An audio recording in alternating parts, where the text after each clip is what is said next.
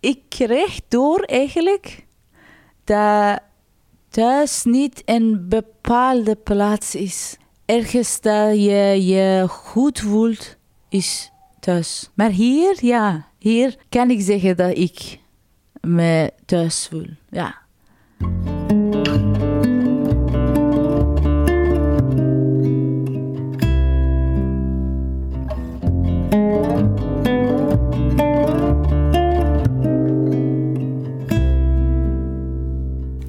Is Dromen over Thuis.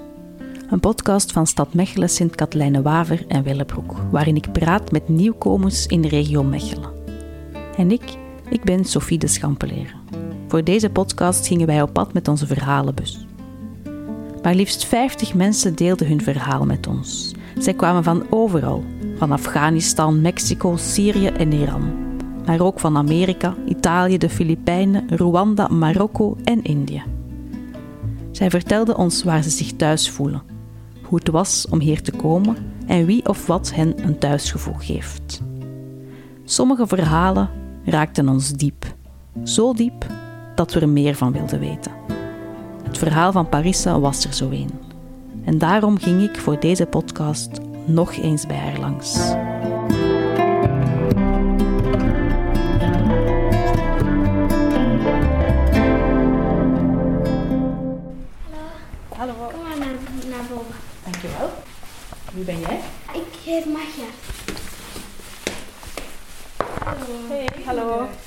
Welkom, ik ben Sophie.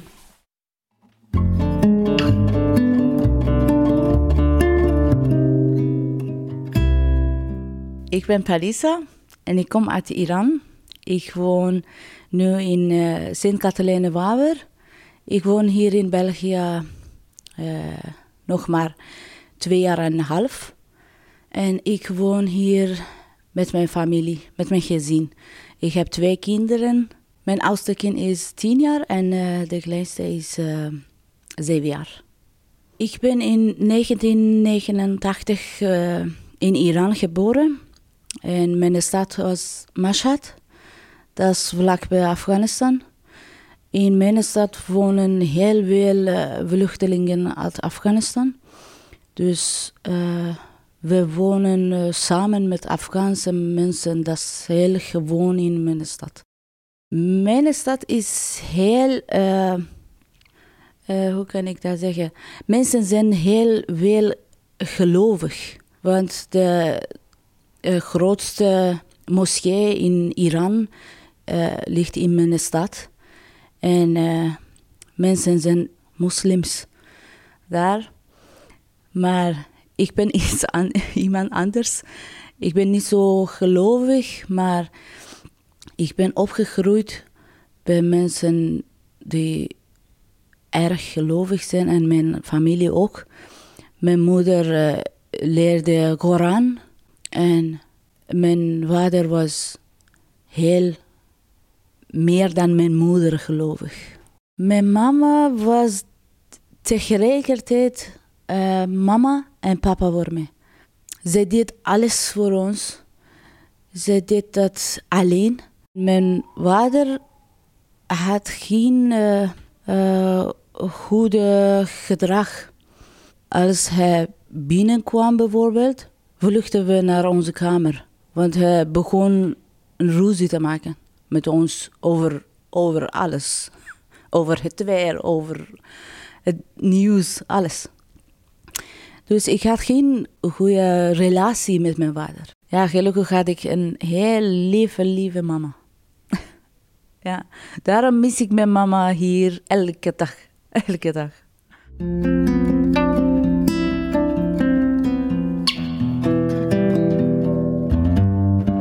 Ik was uh, toen 19 jaar en ik werkte in een uh, drukkerij als uh, promotieontwerper. Ik maakte brochures Photoshop. En mijn man kwam langs om een bestelling. En ik kreeg zijn bestelling en hij kwam de andere dagen om te weten of alles in orde is. En zijn aankomst, zijn, zijn komst was de reden dat we meer en meer elkaar konden zien. De dagen en maanden gingen voorbij en ik werd verliefd, gewoon verliefd, want mijn man was, ik, ik zei altijd, mijn man is een nieuwe man avant la lettre. Ja, hij, hij is fenomeen, echt. Hij roept niet en hij knuffelt mij. Dat, dat, dat ik nooit heb gehad met, met, met mijn vader. En hij begrijpt mij. Dat, dat was heel, heel uh, bijzonder voor mij. Daarom heb ik hem niet gevraagd of hij Iraniërs is of niet. Dat was niet belangrijk voor mij. Mijn man was zo niet en ik was Shiat. Ik was niet zo gelovig, maar de familie van mijn man waren super, super, super gelovig. Ze zeiden alleen maar je moet trouwen met iemand van ons land. Ze hadden heel veel problemen met mij. Hij moest niet trouwen met mij, volgens zijn familie. Maar mijn man kwam vijf keer of zo naar mijn mama om mijn hand te vragen. Maar ze zeiden, mijn broers zeiden nee. Zijn, hun antwoord was altijd nee.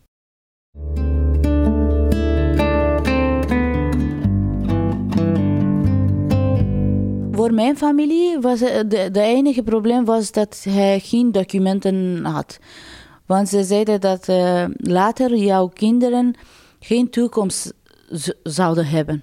En daar hadden ze gelijk. Want later, onze kinderen konden niet naar school. Uiteindelijk vluchtte ik van mijn huis. Want, ja, want, want ik had geen andere keuze. Ik, ik kon niet mijn uh, hart zeggen, stop ermee. Ik kon, ik kon dat niet. En ik had mijn man echt nodig in mijn leven. Dat ik me kon voelen als een vrouw. Als een, als een uh, lieve vrouw. Niet een vrouw die kookt en die opruimt. Dus ik vluchtte van ons huis en we hebben een huis gehuurd. Ik had geen uh, contact met mijn familie. Mijn man probeerde om zo ver mogelijk van zijn familie te zijn. In de eerste week kwamen twee broers van mijn man bij ons huis om te zeggen dat dat werkt niet. Dat moet niet verder gaan. En ze hadden een heel grote ruzie samen. Het was een ongelooflijk grote ruzie dat ik uh, nooit heb gezien. Na twee maanden verhuisden we naar een ander huis. Uiteindelijk kwam één broer van mijn man. Toen mijn man was niet thuis. Hij was op zijn werk. Dat was uh, op een avond. Hij kwam bij mij en hij zei dat als jij denkt dat uh, jij ons broer kon pakken, uh, je bent, ja, je bent helemaal uh, in een uh, foute weg of zo. Na twee dagen belde de oudste broer van mijn man naar mijn man om te zeggen dat ik zou, ik zou naar Iran komen, want hij woonde in Afghanistan, de oudste broer. Ik zou naar uh, Iran komen om op dit probleem een puntje te zetten of zo. Mijn man kende zijn broer heel goed. Hij zei dat als mijn broer zei dat hij hier wil komen, hij zal zeker komen. En hij zal ons huis verbranden of zo. Dus ik, ik, ik kende toen die soorten van mensen niet echt. Ik dacht dat het is in, uh, in een film of zo. Dat, dat kan niet. Maar dat was wel. Dus uh, we hebben ons geld in één week meegepakt en alles uh, verkocht. En we, vluchten na één week naar Turkije.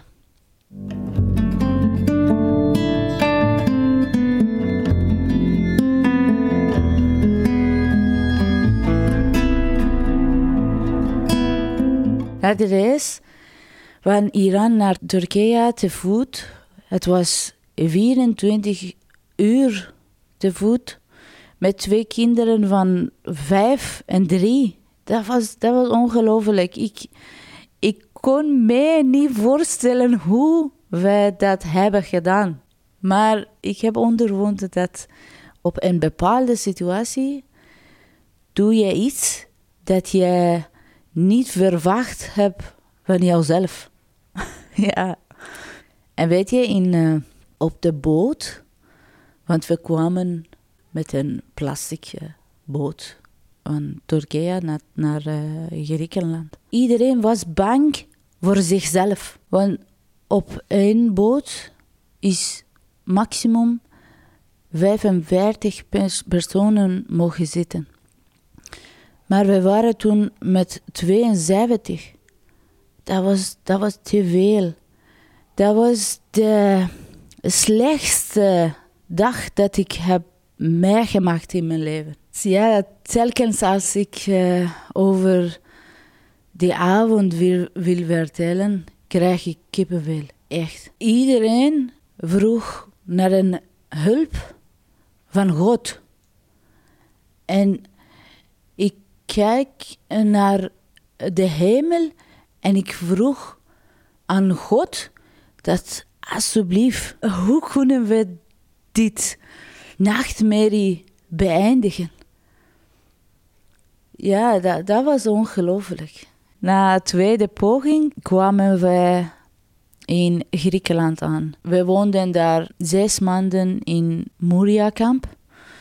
Dat was de heel in uh, Griekenland. Ontdekte ik dat Europa is een land in grijs is. Ja, dat, dat was ongelooflijk. De mensen, de, ja, dat was als een jungle of zo. Ja, we, we woonden uh, zes maanden in een kleine tent. Na een jaar uh, gingen we naar Athene en dan kregen we uh, positieve beslissing van de overheid. Dat wou zeggen dat we daar mochten blijven. We hadden dus uh, de documenten van Griekenland, maar die documenten waren niks. Als we een uh, huis wilden huren, zeiden dat, ah, jullie zijn vluchtelingen. Nee, voor de vluchtelingen hebben we geen huis. Ik was bakker. Ik had zeven jaar ervaring als bakker. Ik had acht certificaten van bak. Maar in Griekenland, toen zij mijn uh, identiteitskaart zagen, zeiden ze: nee, voor vluchtelingen hebben we geen werk. En ook onze kinderen konden niet naar school. Dat was, dat was niet goed. Dan uh, kwamen we naar uh, België in 2019. Ja, in september. dus dat is twee jaar en een half. Wij moesten eerst naar uh, Petit Château in Brussel. Na Petit Château kwamen we terecht in uh, Mechelen, in het uh, oude ziekenhuis. na vier maanden mochten we werken. Na vijf maanden vond mijn man een job hier bij DPD. En dan vond ik ook uh, een job bij een bakkerij in Mechelen in de grote markt. Dat was een hele grote, goede bakkerij. Ik was echt tevreden over, mijn, over onze beslissing om hier te komen. Dat was een leven dat we wouden hebben. En werk en ook school. Mijn, kind, uh, mijn oudste kind was in uh, de eerste leerjaar. Na twee maanden uh, is, zeiden de um, leerkrachten dat hij kon doorgaan. Dus hij zat na twee maanden naar het tweede leerjaar. En dan in het tweede leerjaar besefte ze dat uh, Magyar, mijn oudste kind, is heel intelligent. Hij ging direct naar vierde leerjaar.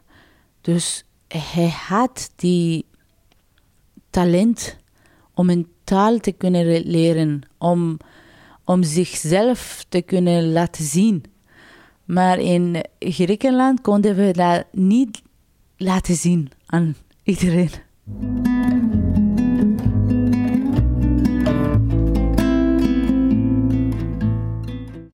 Maar je wil astronaut worden? Ik hou gewoon van ruimte.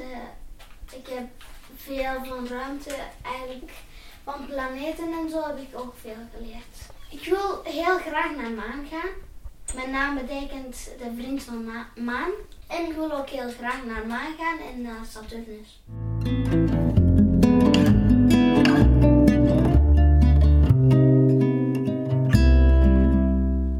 Ik ben nu echt gelukkig met mijn gezin. Mijn kinderen hebben heel veel uh, vrienden. en mijn man werkt graag in uh, DPD. Maar uh, helaas werkte ik bij de bakkerij. En dan ging het land in lockdown. Ik had geen contract, dus ik moest thuis blijven. Dus ik werk momenteel als vrijwilliger tolk Nederlands, Persisch, Engels in inburgering integratie Mechelen. Dus ik veranderde mijn job. ik ben niet meer bakker, maar ik bak voor mijn kinderen. ja. Ik kreeg door eigenlijk dat thuis niet een bepaalde plaats is. Ergens dat je je goed voelt, is Maar hier, ja, hier kan ik zeggen dat ik me thuis voel. Want ik, ik zie dat uh, de blik van mijn kinderen is blij. Mijn man is tevreden. Al, ja, als, als hij moe is, is hij toch blij. Ja, als, uh, als we naar buiten gaan, praten mensen met ons. Dus daarom voelen we ons niet zo uh, vreemdeling hier. Uh, we hebben heel goed contact met onze buren. Wij zijn gelukkig hier. In Iran was ik ook gelukkig, maar ik had in mijn hoofd ook uh, die bang over de toekomst. Hier heb ik dat niet. Ik ben niet, niet, niet bang over de toekomst van mijn kinderen. Want ik weet het zeker dat mijn kinderen een heel schitterende toekomst zullen hebben. Uh, ja, dat, dat was onze bedoeling. Ja, daarom ben ik, ben ik trots op ons allemaal.